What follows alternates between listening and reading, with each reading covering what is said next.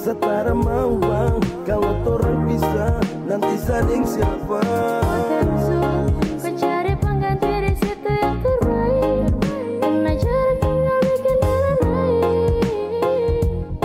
Kalau torang bisa Nanti saling siapa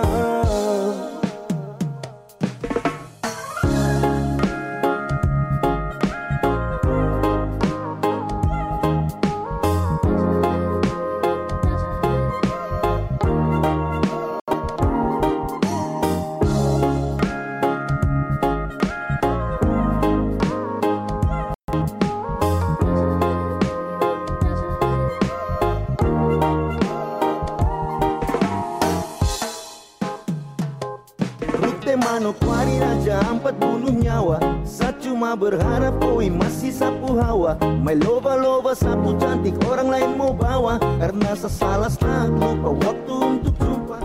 Salam jumpa kembali bersama Beta Laura di Radio Lelemuku edisi hari ini Jumat 19 Februari 2021. tetap cintaku Salam jumpa untuk semua fans setia ataupun pendengar setia dari Radio Lelemuku.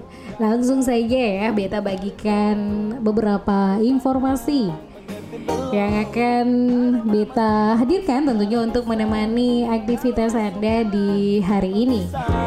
Dan beberapa informasinya di antaranya Ayus Sabian dengan Riri Virus bercerai Kemudian ada Joe Taslim jadi Sub-Zero di film Mortal Kombat 2021 bisa Diikuti Paris Hilton lamaran. Diana minta maaf. Kemudian ada modus mafia tanah dan sederet informasi menarik lainnya. Datang jauh-jauh untuk cariku Saya dengar banyak orang bicara tentangku Kasihan tongku cinta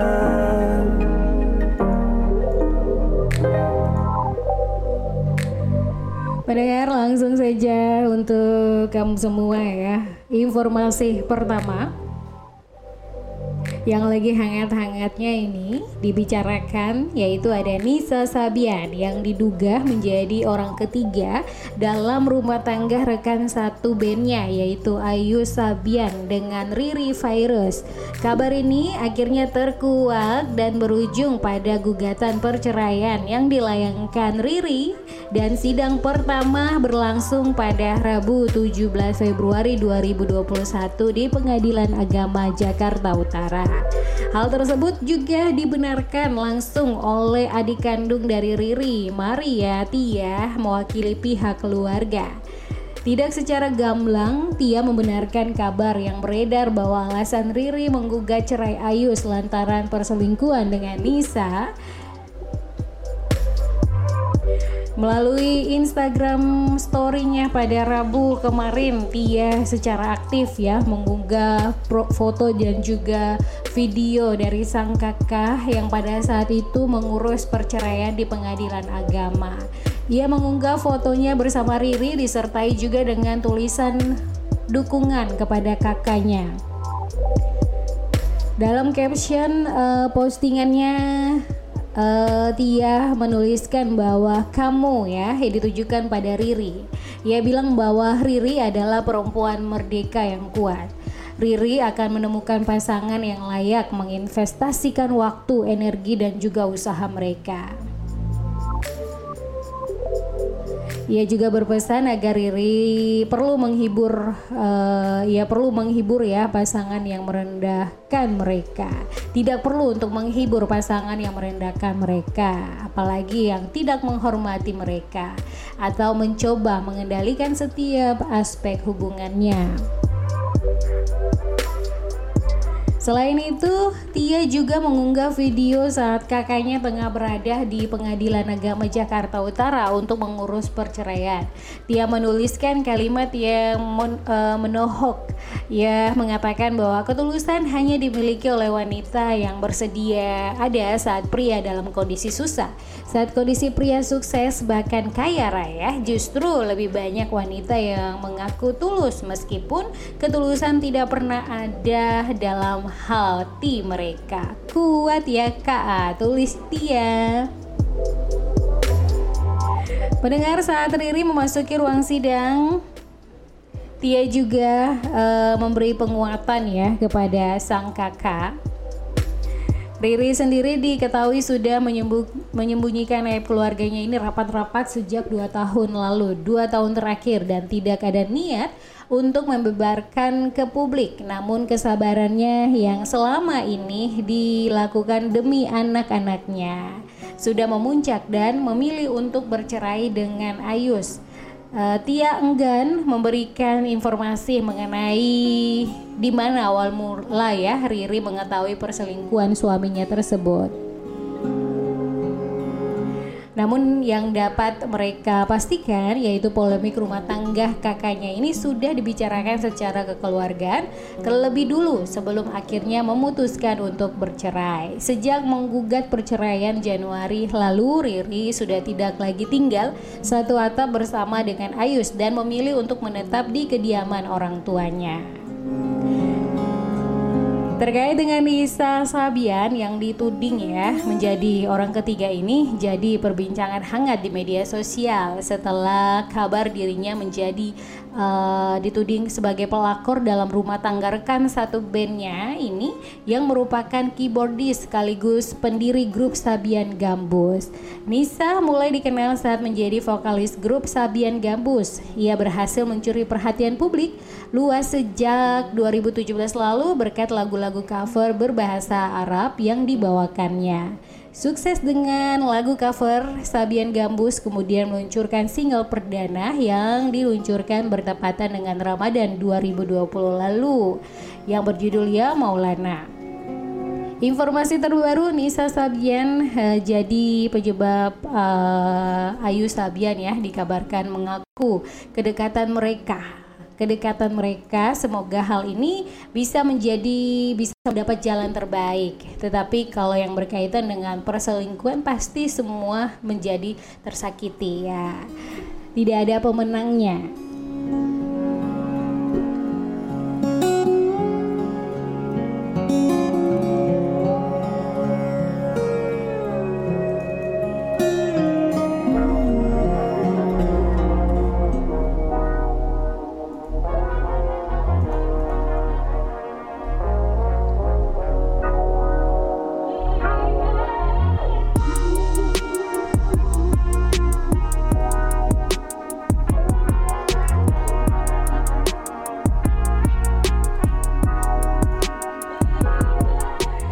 Pendengar, informasi berikutnya wisatawan yang sedang berjalan-jalan di Papua harus ekstra waspada selama berkendara.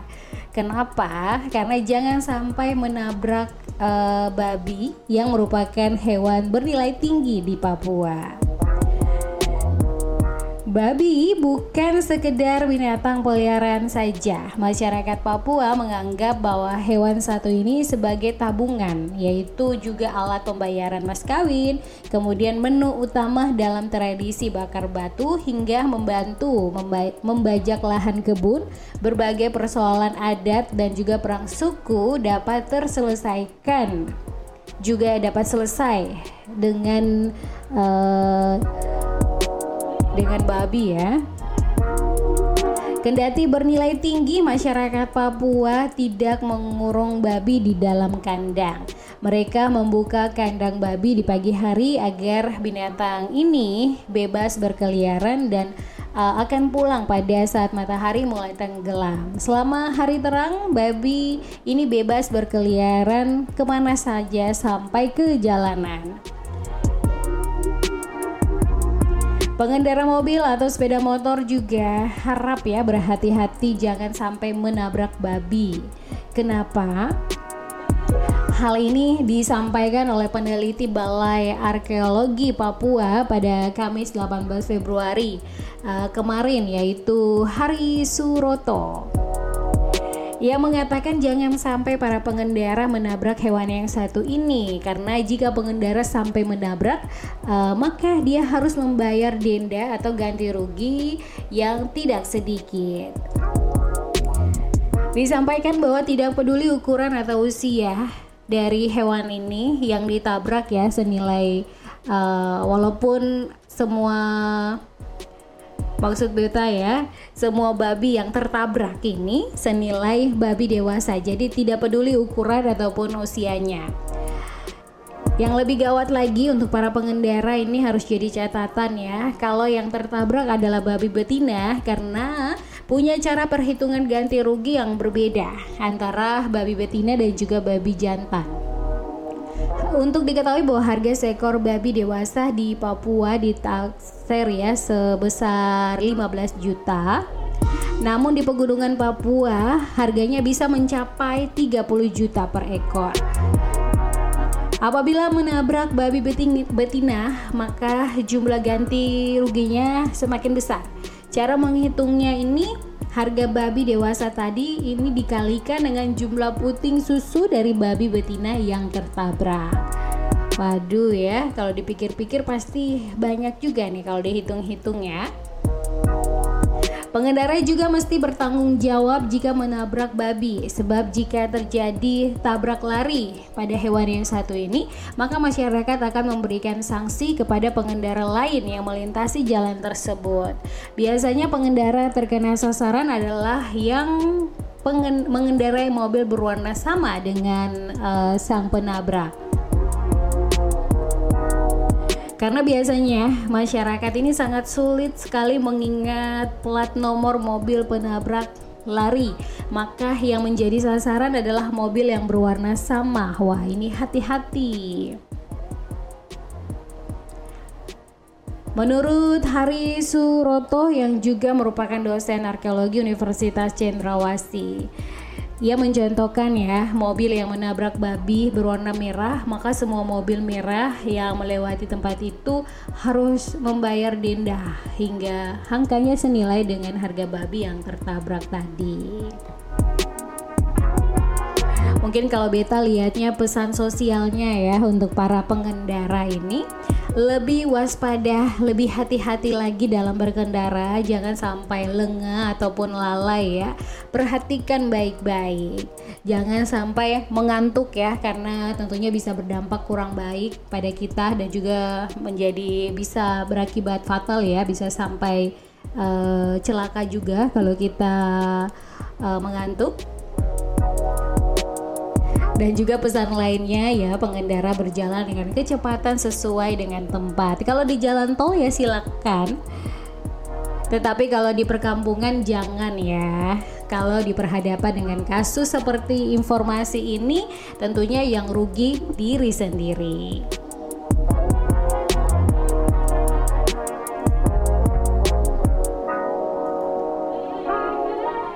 Masih informasi dari Papua, kali ini dari Polsek Jayapura Utara.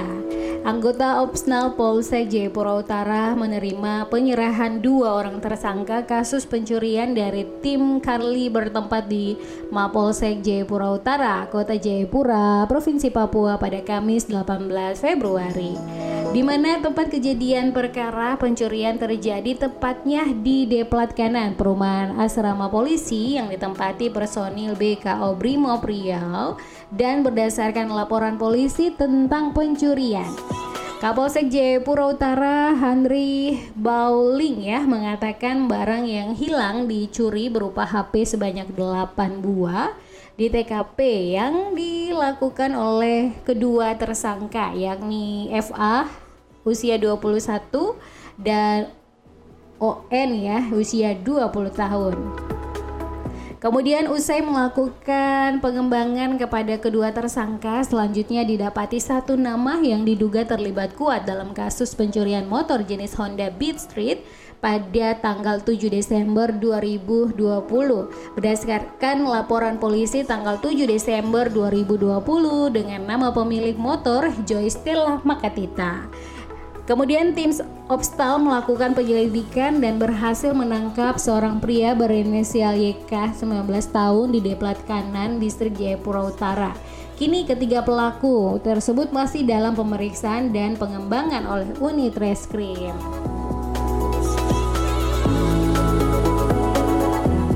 Kapolsek juga mengaku bahwa tidak menutup kemungkinan masih ada lagi kejahatan yang dilakukan oleh mereka dan belum diketahui untuk uh, itu kepolisian masih tetap akan melakukan pengembangan melalui pemeriksaan secara insentif dan juga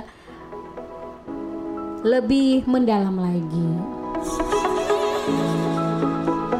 Kasus kejahatan ini buat kita waspada ya pendengar Tentunya untuk kita yang punya kendaraan ataupun barang-barang berharga juga ya, seperti HP ataupun perhiasan, gunakan pada tempat-tempat tertentu saja, jangan pada kalau uh, perhiasan tentunya kalau kita ikut acara ya, jangan pada saat kita mau uh, berjalan-jalan lalu kita memakai perhiasan yang berlebihan karena itu dapat memancing kejahatan.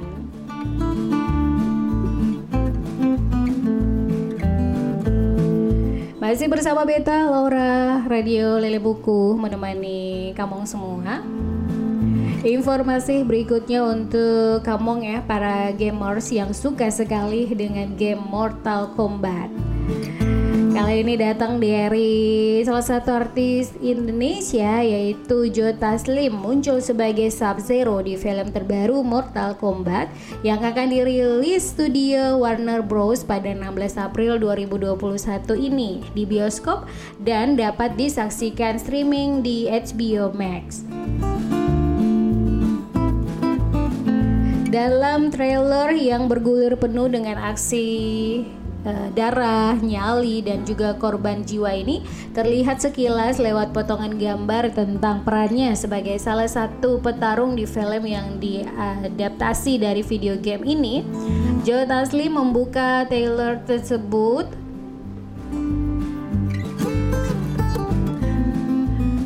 memperlihatkan aksinya yang kejam tanpa ampun. Ia tampil tangkas sekaligus Bengis memperlihatkan kemampuannya memenggal tangan dari Jax yang tak mampu menandingi kekuada, kekuatan yang ia miliki, menghasilkan dan juga mengendalikan es. Film ini sendiri merupakan fitur aksi langsung ketiga berdasarkan seri video game populer pada tahun 1990 ini dilaporkan tidak akan ada hubungannya dengan pendahulunya yang uh, berkinerja buruk ya dinilai pada tahun 1925 dan 1997. Berpusat pada sosok petarung MMA bernama Cole Young yang berusaha menjawab tanda lahir bercorak naga yang ia miliki Hal itu membawanya ambil bagian dalam legenda turnamen Mortal Kombat yang menjadikannya memegang tanggung jawab untuk menjadi ataupun menjaga dunia.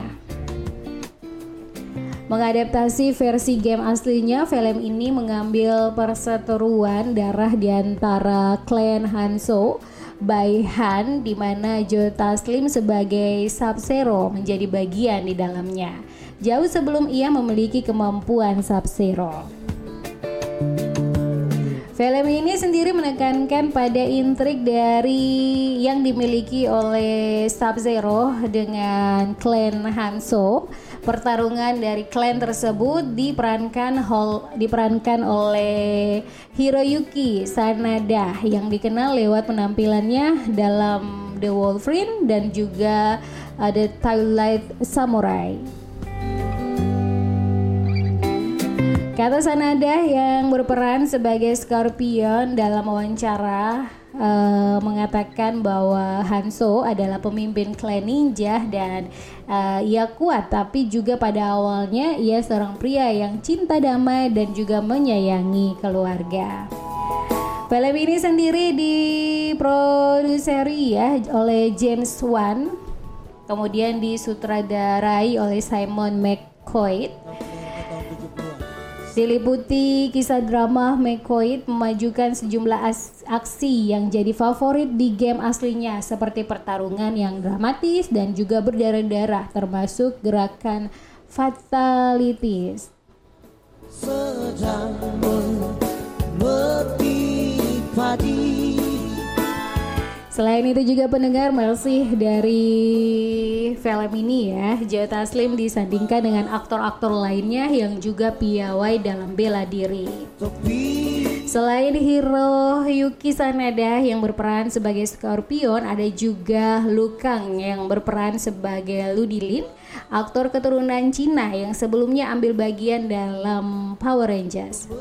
Selanjutnya juga ada Tada Nobu Asano sebagai Raiden, kemudian Jessica McNam sebagai Sonya Blade, Mike Brook sebagai Jax Briggs, ada juga Josh Lawson sebagai Kano, Chin Han sebagai Seng Sang, Max uh, Huang sebagai Kung Lao, Sisi Stringer sebagai Milena, Elisa Catwell sebagai Ditara dan Daniel Nelson sebagai Kabal. terlanjang David Callahan yang juga sedang mengerjakan sequel Spider-Man Into the Spider-Verse adalah penulis skenario untuk film Mortal Kombat 2021 ini.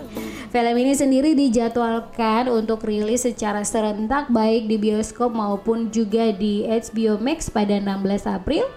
Karena itu adalah bagian dari strategi streaming besar-besaran Warner Bros. Warner Bros ya yang diumumkan pada akhir 2020. Kemudian game Mortal Kombat sendiri pertama kali dirilis di arcade pada tahun 1992 dan sejak itu franchise tersebut telah berkembang dengan penyerta menyertakan beberapa literasi di seluruh generasi video game. Seri terbaru dari Mortal Kombat 11 memulai debutnya pada tahun 2019 dan menampilkan berbagai karakter baru.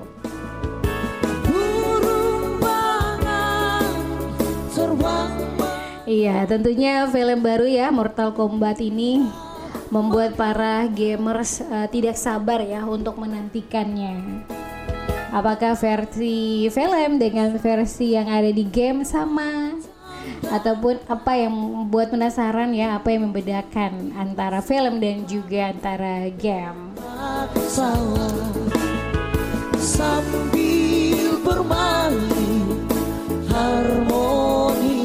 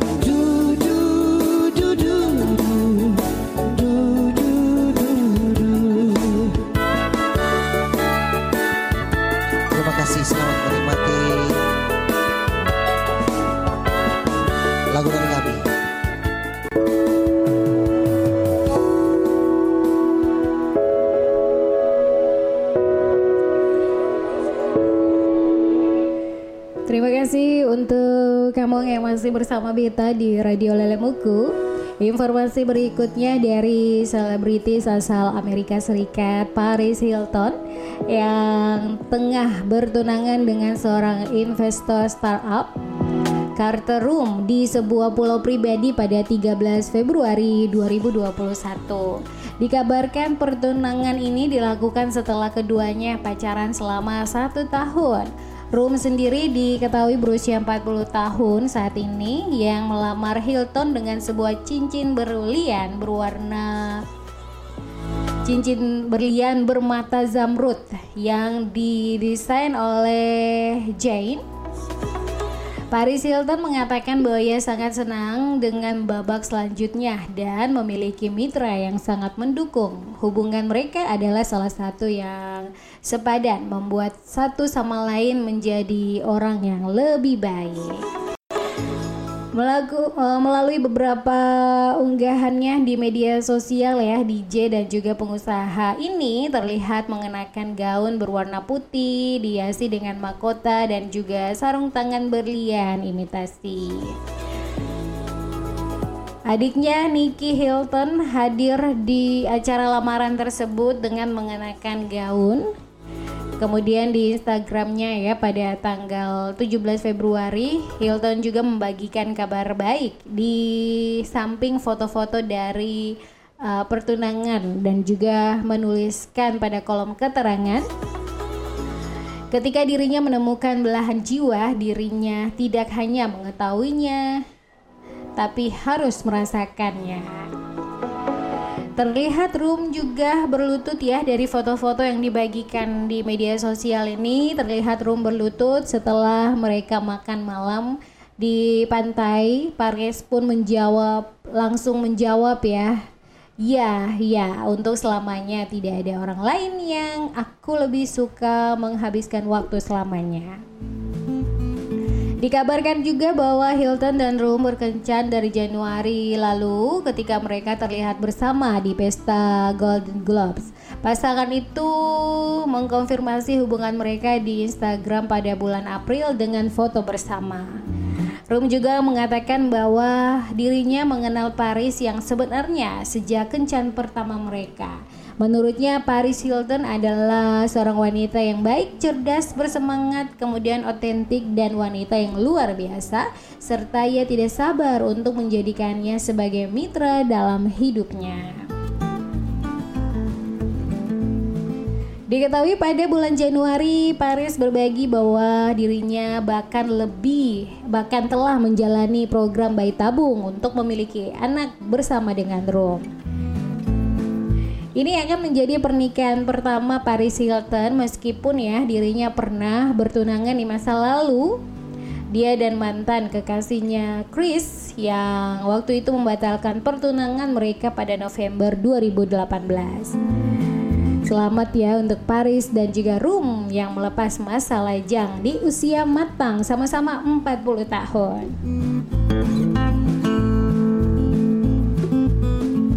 Informasi berikutnya untuk kamu semua datang dari Provinsi Maluku terkait dengan salah satu gas yang dijaga ya. Ada Nuri Maluku atau EOS Borneo. Balai Konservasi Sumber Daya Alam BKSDA Provinsi Maluku menerima translokasi sebanyak 89 EOS Borneo atau Nuri Maluku di Kandang Paso, Kota Ambon pada Minggu 14 Februari. Kegiatan translokasi itu merupakan hasil kegiatan pengamanan perdagangan satwa liar yang dilindungi oleh petugas Balai Besar Karantina Pertanian Pelabuhan Laut Makassar dan petugas Balai Besar KSDA Sulawesi Selatan yang dilaksanakan pada tanggal 29 Januari di Pelabuhan Soekarno-Hatta, Makassar. Penanganan dari kasus perdagangan burung yang dilindungi ini sedang ditangani oleh penyidik dari Balai Pengamanan dan juga Penegakan Hukum Lingkungan Hidup dan Kehutanan Wilayah Sulawesi. Saat ini sendiri satwa tersebut sedang diistirahatkan terlebih dahulu untuk memulihkan kesehatan di kandang transit Paso sebelum dibawa ke lokasi pelepasannya yaitu di Suaka Alam Mas Bait yang berada di Pulau Buru. Prosesi dari translokasi ini pun didampingi oleh petugas dari BKSDA uh, Sulawesi Selatan dan juga dari Balai Kakum Wilayah Sulawesi. Sedikit informasi tentang Nuri Maluku yang nama latinnya yaitu Eos Borneo atau juga disebut dengan Eos rub, uh, rubra ya. Dan dalam bahasa Inggrisnya adalah red uh, red Secara umum memiliki panjang tubuh hingga 30,5 cm cm dengan warna bulu e, dominan berwarna merah cerah Kemudian juga perpaduan biru dan hitam di bagian mata serta merah gelap di bagian ekor. Tempat tinggal dari burung nuri Maluku ini berada di wilayah hutan primer ataupun sekunder yang kerap gemar berada di hutan mangrove dan perkebunan kelapa. Nuri Maluku mampu hidup di ketinggian 750 hingga 1800 meter di atas permukaan laut. Terdapat dua subspesies Nuri Maluku, yaitu Siatrorus menempati Pulau Buruh dan juga uh, Borneo yang tersebar di wilayah Ambon hingga ke Pulauan K.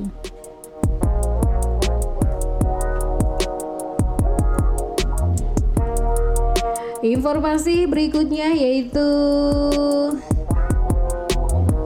Selegram asal Kazakhstan ya Dayana diketahui sudah meminta maaf kepada seluruh netizen Indonesia. Ini diawali dari uh, drama kistro ya antara youtuber Indonesia yaitu Vicky Naki bersama Dayana dengan warga Indonesia dan para penggemarnya yang nampaknya akan terus berlanjut. Akibat dari beberapa pernyataan Dayana yang dianggap sombong ataupun arogan ya membuat pengikut dari Instagram yang juga didominasi netizen Indonesia meramai-ramai unfollow bahkan ada yang mengajak satu sama lain untuk mereport masal akun Dayana. Pada Kamis 18 Februari, jumlah pengikut Dayana kini mencapai 1,7 juta dari yang sebelumnya tembus angka 2,1 juta lebih follower pada dua hari sebelumnya. Hal ini terjadi setelah Dayana membuat geram netizen Indonesia karena ucapannya yang menyebutkan bahwa ia tidak butuh penggemar Indonesia dan tidak peduli dengan kepopulerannya di Indonesia. Nah, ucapan dari Dayana ini langsung ya pada saat dirinya melakukan live di akun Instagram miliknya. Ketika itu ia menjawab pertanyaan dari pengikutnya dengan mengatakan bahwa tidak membutuhkan penggemar Indonesia karena dirinya sudah populer di Rusia.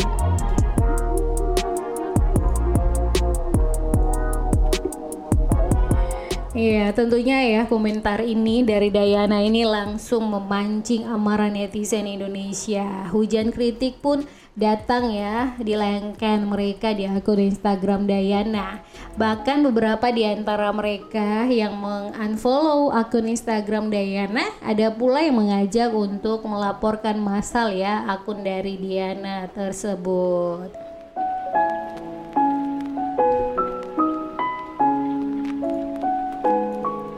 Yo. Yo yo. Terlihat juga Dayana tampaknya tidak tahan menerima hujatan dan berbagai reaksi netizen Indonesia. Buktinya ia langsung mengunci akun ya alias mengubah akunnya menjadi privat. Dan mengetahui hal itu, Vicky Natki pun langsung memberi menyampaikan permintaan maaf kepada Dayana polisi lebih lagi ada yang jadi politisi. Aku masih sama seperti iya. jadi uh, kemarahan dari Dayana ini sendiri berawal dari permasalahan dengan uh, Vicky Naki ya terkait dengan bayaran video Valentine yang merupakan proyek kerjasama yang sudah disepakati keduanya. Meski demikian, hal itu telah diselesaikan oleh keduanya bersama dengan manajer masing-masing. Dan yang terakhir ya, terlihat Dayana sudah meminta maaf kepada seluruh netizen Indonesia dengan mengatakan bahwa dirinya mencintai Indonesia. Tak ada kata lain yang mereka ingatkan di kepala hanya kekuasaan. Aku berkuasa. Terlihat ya pada saat Dayana buat pernyataan meminta maaf uh, Followernya yang tadi berkurang sudah terlihat uh, berangsur-angsur mulai bertambah. Semoga masalah antara Dayana ya dan juga Vicky Naki yang berawal dari media uh, Maya ini ya dari dunia maya, dari media sosial tentunya bisa cepat terselesaikan dan juga bisa menentramkan hati-hati netizen Indonesia. Apa boleh aku jadi seorang rapper meski kadang dengan Baik mendengar kembali lagi eh, selepas informasi dari Dayana dengan Vicky Nikita ID ya. Eh, Beta bagikan untuk kamu informasi dari Maluku kembali Maluku. Kali ini terkait dengan dua bahasa asli dari Pulau Kisar yaitu bahasa Oirata dan Meher yang menurut eh, kantor bahasa provinsi Maluku bahwa kedua bahasa tersebut menuju status terancam punah. Pulau Kisar sendiri merupakan salah satu pulau terluar di Maluku, sering disebut sebagai uh, Maluku Tenggara Jauh karena akses untuk menjangkau pulau ini sangat sulit. Sarana transportasi belum memadai, baik melalui transportasi udara maupun juga laut. Cuaca di pulau ini sangat ekstrim. Musim kemarau berlangsung sangat lama, tetapi musim hujan hanya berlangsung sebentar, sehingga pulau ini terlihat kering dan juga gersang. Namun, penduduknya sudah memahami keadaan tersebut, sehingga dapat menyesuaikan pola pertanian yang bisa dikembangkan karena kondisi alam. Pulau Gisar sendiri berbatasan dengan negara Timur Leste dan Australia, dihuni oleh dua masyarakat lokal yaitu dua etnis, eh, etnis Meher dan Oirata. Kedua etnis ini sangat berbeda dari segi budaya termasuk bahasanya. Fakta linguistik menyebutkan bahwa kedua bahasa yang dituturkan kedua etnis tersebut berbeda bahwa bahasa Oirata merupakan bahasa dengan rumpun non Austronesia sedangkan bahasa Meher yang juga disebut bahasa Kisar dikategorikan sebagai bahasa rumpun kelas Austronesia Melayu Polinesia Timur Tengah. Kemudian Uh, tim pemetaan Badan Bahasa sendiri mengidentifikasi bahasa Oirata dan bahasa Meher merupakan dua bahasa yang berbeda dengan presentasi perbedaan dialektometri sekitar 74%. Bahasa Wirata hanya digunakan oleh dua desa saja yaitu Desa Wirata Timur dan Barat. Selebihnya menggunakan bahasa Meher. Bahkan penggunaan bahasa Meher tersebar di beberapa pulau yang ada di sekitar Pulau Kisar, misalnya Pulau Leti, Pulau Luang.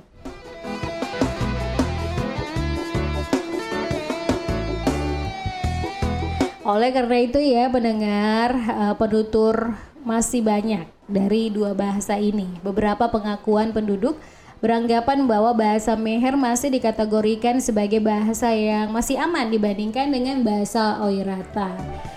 Kemudian jika berbicara tentang status aman atau tidaknya sebuah bahasa dari segi penggunaannya, kantor bahasa Maluku ya mengatakan bahwa harus melalui kajian ilmiah atau kajian kebahasaan ya linguistik.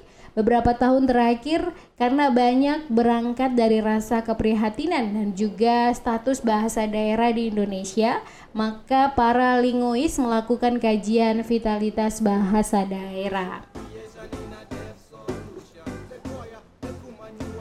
Disampaikan bahwa kepunahan bahasa akan terjadi jika sekelompok pemakai bahasa bergeser ke bahasa baru secara total, sehingga bahasa terdahulu tidak terpakai lagi. Kepunahan bahasa ini berbeda-beda antara bahasa yang satu dengan bahasa lainnya. Kemampuan menghadapi tekanan dari luar dan dari dalam bahasa tersebut menentukan tingkat uh, keterancaman dan juga kepunahan bahasa.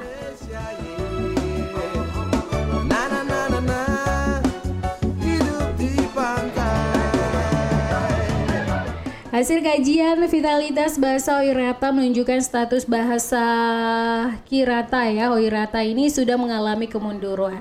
Kemunduran artinya bahwa bahasa ini tidak lagi digunakan sebagai bahasa pengantar untuk berkomunikasi sehari-hari terutama bagi kalangan generasi muda. Meskipun bahasa Meher belum dilakukan kajian vitalitas secara ilmiah, namun beberapa kajian juga pernah dilakukan oleh beberapa peneliti yang berkaitan dengan penggunaan bahasa Mer. Penelitian ini terkait dengan sikap dan dokumentasi bahasa.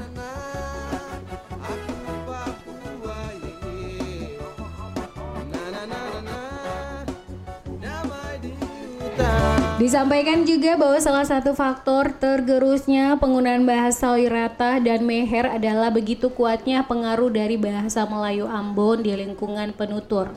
Bahasa Melayu Ambon menjadi bahasa yang dianggap tinggi bagi penutur sehingga penggunaan bahasa daerah bukan lagi sebuah keharusan yang harus dipelajari dan digunakan sebagai media komunikasi bagi generasi penerus. Selain itu juga tidak adanya lagi pewarisan yang sistematis oleh orang tua-tua kepada generasi muda yang menjadi bergeser penggunaan bahasa daerah. Penutur bahasa Wirata dan Meher yang masih aktif dan fasih hanya penutur yang berusia 40 tahun ke atas. Bahkan Oirata dan Meher juga tidak dijadikan sebagai bahan muatan lokal di sekolah-sekolah di Pulau Kisar sehingga kemungkinan laju status menuju kepunahan bahasa akan bergerak dengan cepat. Untuk mengatasi atau menghambat laju kepunahan dari kedua bahasa di Pulau Kisar ini, keterlibatan semua pihak sebagai pendukung budaya sangat diperlukan. Penutur, pemerintah daerah, peneliti, serta pemerhati budaya harus bersinergi untuk membangun visi dan misi yang sama dalam melestarikan bahasa daerah. Tentunya hal ini juga bukan terjadi di Pulau Kisar saja ya dengan dua bahasa daerahnya yaitu Oirata dan Meher. Pastinya hal ini juga bisa diberlakukan untuk setiap bahasa daerah di daerah masing-masing. Kalau di Indonesia sendiri ya bahasa daerah terbanyak di Indonesia sendiri yang mempunyai posisi paling teratas ada Papua dan Papua Barat diikuti dengan Maluku dan juga Maluku Utara. Beta masih bilang perdong-dong Buka Angela suka begonggong Lama tidur sekarang subangong Lempar amunisi tambong Wele lada dengar gandong Jangan disangka kata orang patong Tada karasi dok tanah Rantau bukan jago yang jago dalam kampung. Oi, kata orang balik bawa saja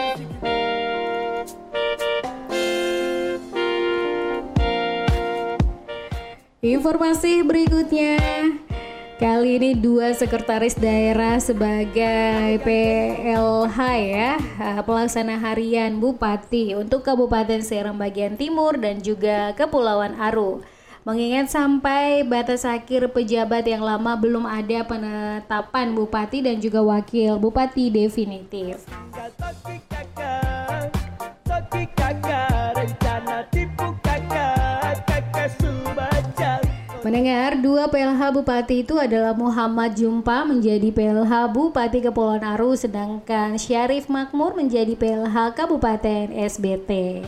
Pada kesempatan tersebut Sekda Maluku Kasrul Serang uh, berpesan agar kedua PLH Bupati senantiasa memelihara pola hubungan kerja yang harmonis di lingkungan internal pemerintah kabupaten maupun juga dengan mitra kerjanya dalam rangka kelancaran tugas pembangunan dan pemerintahan.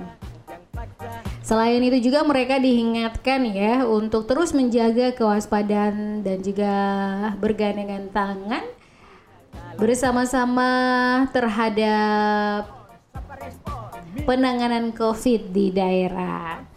Selamat untuk kedua PLH Bupati tetap amanah dan penuh tanggung jawab. Baru besar jangan pede, jangan paksa bikin ganteng. Ya, pendengar informasi terakhir datang dari Menteri Agraria dan Tata Ruang, Kepala Badan Pertahanan Nasional Sofian Jalil yang mengatakan bahwa masyarakat tidak perlu takut terhadap eh, mafia tanah. Ia menyampaikan bahwa kasus mafia tanah ini yang terjadi hanya beberapa dan juga menyasar kalangan atas sehingga tidak perlu mengalami ketakutan yang berlebihan. Kasus ini bukan ranah kementeriannya ya, sebab aksi mema- memasukkan ya, memalsukan sertifikat tanah itu sudah tergolong aksi kejahatan penipuan. Menurut Jalil pada Rabu 17 Februari bahwa kasus mafia tanah cuma beberapa. Sebenarnya ini adalah kasus kejahatan penipuan yang mereka gunakan tanah sebagai objek. Salah satu kasus mafia tanah yang baru saja terjadi yakni sertifikat rumah ibunya Dinopati Jalal yang beralih nama menjadi milik orang lain tanpa sepengetahuan pemiliknya. Sofian mengungkapkan cara kerja yang biasanya dilakukan mafia tanah dalam memasukkan ya, memalsukan sertifikat seperti yang dialami oleh Dino Pati Jalal dengan mendatangi si pemilik tanah atau rumah. Selanjutnya, pelaku juga akan mengaku tertarik ingin membeli aset tersebut dan minta untuk ditunjukkan sertifikat milik Anda. Caranya biasanya datang kepada pemilik tanah atau rumah ya yang mau menjual. Kemudian itu orang tersebut akan mengatakan bahwa dirinya ingin membeli. Hanya saja dia ingin langsung melihat sertifikat dan yang paling parahnya akan meminta untuk meminjam sertifikat uh, dengan alasan mau mengecek di BPN.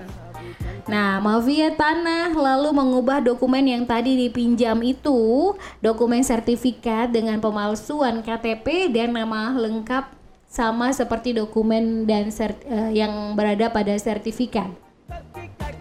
Saat uh, proses sertifikat tanah diberikan untuk mengecek tadi, mafia tanah ini atau penipu akan mengubah dokumen, kemudian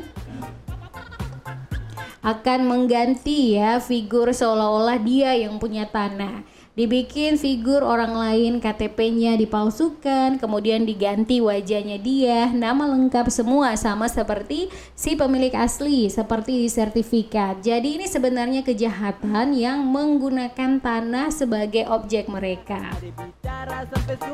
Dari BPN sendiri juga menghimbau agar masyarakat lebih berhati-hati lagi menjaga data pribadi, apalagi sertifikat berharga seperti sertifikat tanah atau rumah agar kejadian serupa tidak terulang lagi.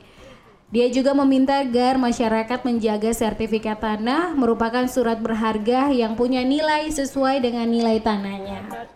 Berhati-hati untuk memilih broker ya ataupun juga notaris dalam jumlah dalam jual beli tanah.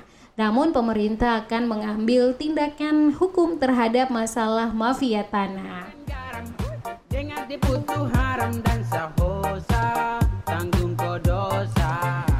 Iya pendengar itu tadi ya eh, cara untuk terhindar dari eh, masih eh, mafia tanah atau terlibat dengan masalah eh, tanah ya. Tapi kita juga tetap waspada, jangan takut tetapi tetap waspada. Eh, kita harus pandai ya menyimpan surat-surat berharga kita karena saat ini modus penipuan banyak sekali terjadi. Cuma saat itu Ya, pendengar informasi tadi mengakhiri jumpa kita di Radio Lelemuku edisi Jumat 19 Februari 2021. Sampai jumpa di edisi eh, lainnya ya, tentunya dengan informasi menarik yang kami suguhkan untuk kamu semua. Sampai jumpa, Tabea.